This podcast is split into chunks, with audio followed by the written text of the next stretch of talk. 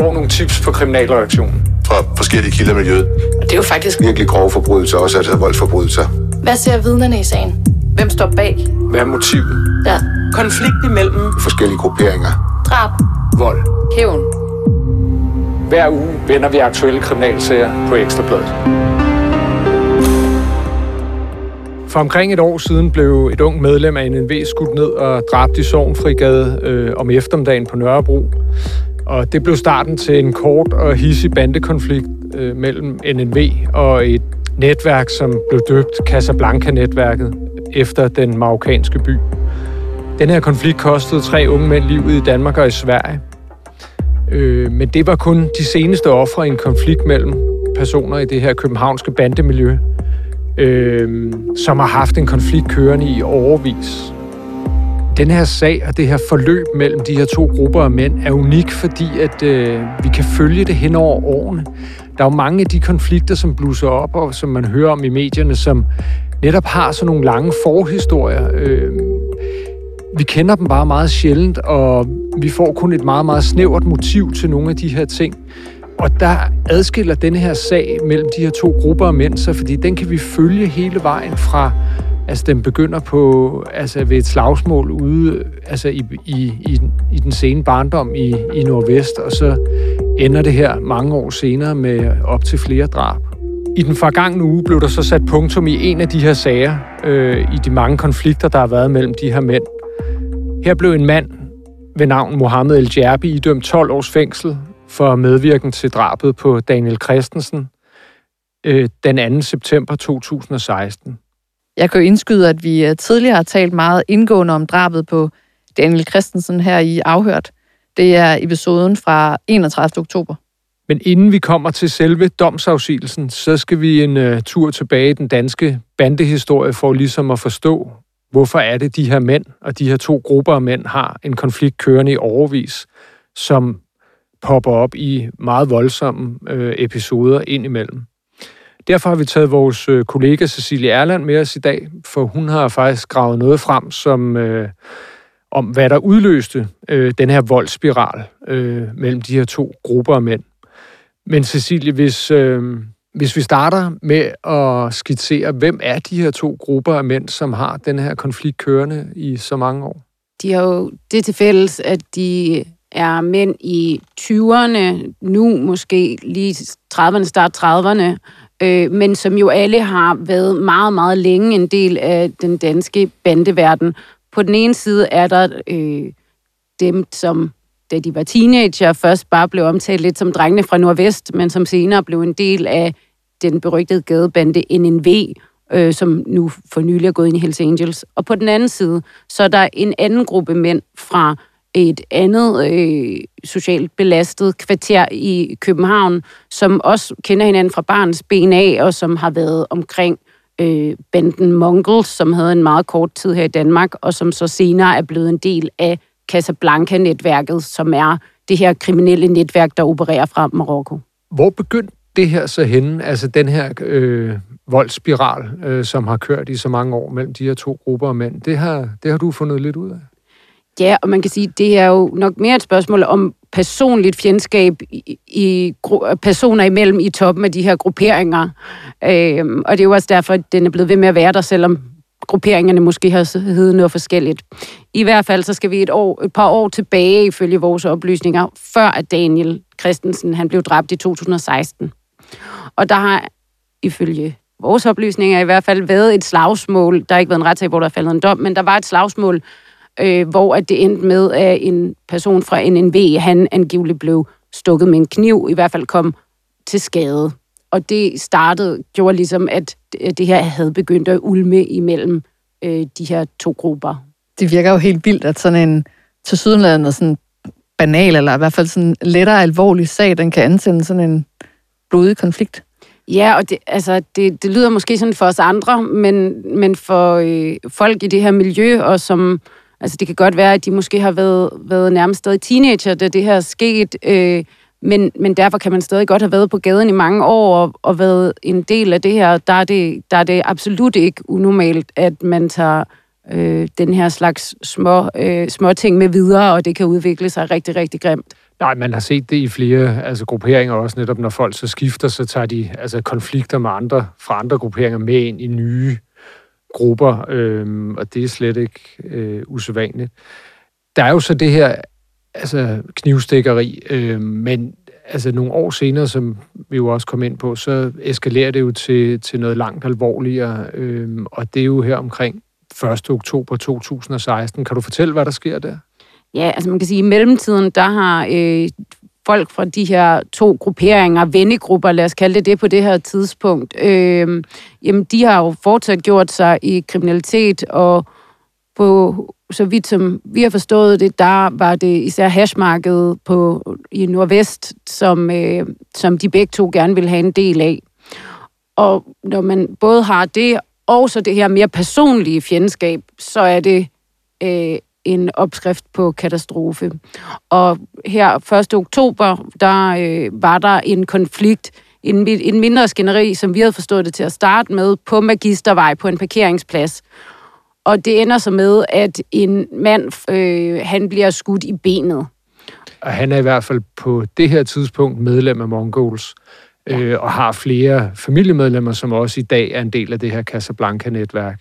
Ja, og der øh, kan man sige, jamen, fordi de kender jo udmærket hinanden, de her øh, to grupper, og øh, ham, som bliver ramt af skud, og dem omkring ham, jamen de kan jo udmærket se, hvem, øh, hvem der har været en del af, af, af dem, der har angrebet ham. Øh, og ifølge politiet er øh, Daniel Christensen mistænkt for at have været en af de mænd, der var med. Ikke ham, der trykkede på aftrækkeren, men som vi har forstået det muligvis en chauffør.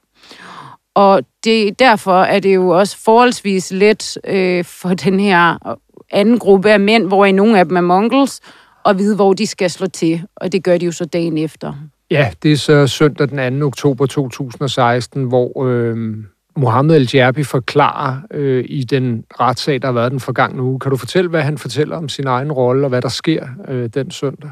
Ja, altså man kan sige, det er jo, det er jo lidt et sammenkog af, hvad Mohammed El-Jerbi selv har forklaret, og hvad anklagemyndigheden så har fremlagt af beviser i den her sag. Det, det begynder sådan set umiddelbart efter det her skyderi.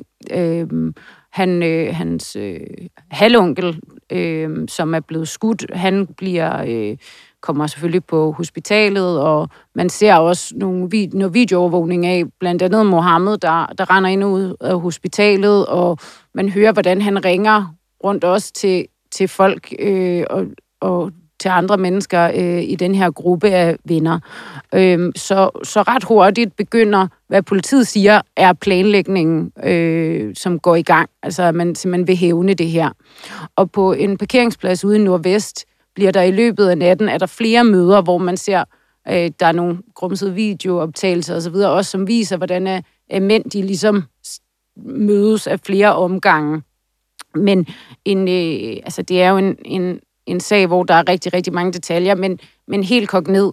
Mohammed, han siger, han får at vide af Mongols præsidenten, Rashid Hamade, at han skal hjælpe dem til at finde ud af, hvor drengene fra Nordvest befinder sig dagen efter. Mohammed Jabi forklarer selv, at det, det vil han egentlig godt hjælpe med, og når Rashid Hamade, som er en stor øh, bandeboss, han siger sådan, jamen, så gør man det. Men han troede egentlig bare, at han ville snakke lidt med nogle af de her drenge fra Nordvest, som Mohammed Al-Jabi selv kendte, fordi han faktisk på det tidspunkt følte sig som en, måske lidt en af drengene fra Nordvest. Han var derfra, og han var kun lige fyldt 18 år på det her tidspunkt. Men, men han er med på, at han var en del af, af noget af den her øh, proces, men Altså ikke, at han vidste, at der var nogen, der skulle slås ihjel. Og her med, jeg, når anklagemyndigheden, han var en del af planlægningen, øh, og han udmærket vidste, det var det, der skulle ske. Men anklagemyndigheden mener så her, at Mohammed så sidder i en af de her to biler, der øh, den her søndag øh, stævner ud for at lede efter drengene fra Nordvest, som mm. senere bliver til NNV. Mm. Og der kører han så afsted, og så vidt jeg kan forstå, så forklarer han hvad om sin egen rolle.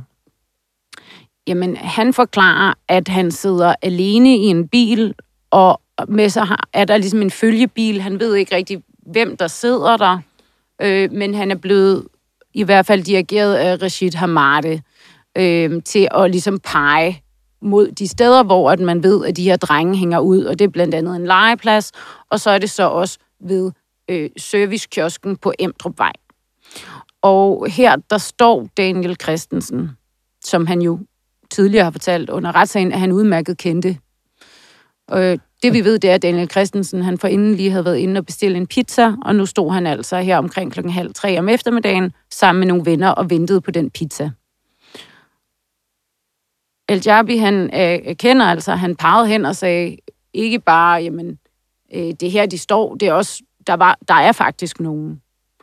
Det han selv siger, det er, at han så bliver chokeret, da han ser, at to maskerede mænd med våben hopper ud, og at det får ham til, altså på den måde, han forklarede det i retten, så var det nærmest det her øjeblik, at jamen, pludselig så han bare dem der rende ud, og han tænkte, nej, hvad er jeg en del af? Og øh, skynder sig at køre væk, og, og på anklagerens foranledning siger han, jamen jeg følte mig helt kastet under bussen. Jeg følte mig pisset på.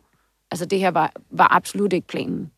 Og det, der så sker, det er jo, at de her to maskerede mænd løber ud af, af bilerne og øh, begynder at skyde efter øh, Daniel Christensen. Og Daniel bliver så ramt og flygter ind i en kiosk. Øh, og hvor øh, gerningsmanden løber efter. Det har man jo senere set i noget videooptagelse, øh, som politiet har offentliggjort, og hvor gerningsmanden nærmest står ind over Daniel og trykker af, øh, hvor pistolen så klikker.